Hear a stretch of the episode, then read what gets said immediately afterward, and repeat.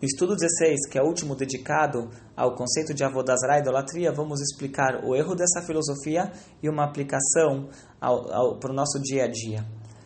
O, nos estudos anteriores mencionamos que o homem ele comparou os astros e constelações a ministros de um rei na condução de um país, sendo Deus o rei, os astros e constelações seus ministros.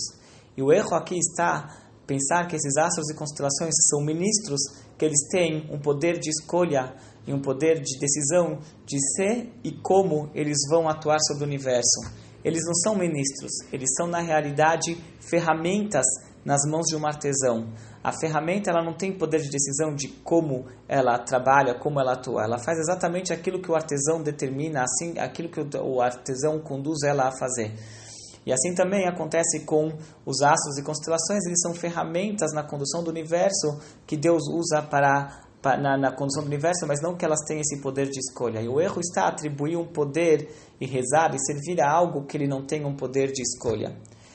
Da, apesar de que hoje o homem na cultura ocidental ele não, nós não é, curvamos e nós não nos é, servimos a, idol, a, a astros ou estátuas ou coisas do gênero, porém nós recorremos muitas vezes a esse erro de atribuir poder ao mero intermediário.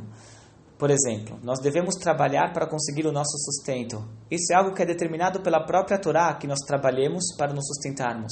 Deus diz na Torá que Ele vai te abençoar em tudo que você for fazer. Quer dizer que para você receber a bênção de Deus, você tem que fazer, você tem que trabalhar para conseguir o seu sustento. Porém, o trabalho, as nossas ocupações profissionais, elas são apenas condutores, canais por quais Deus ele, ele nos envia o nosso sustento. E atribuir um poder e, e, e, e autonomia ao nosso trabalho, isso daqui é recorrer ao erro dos idólatras.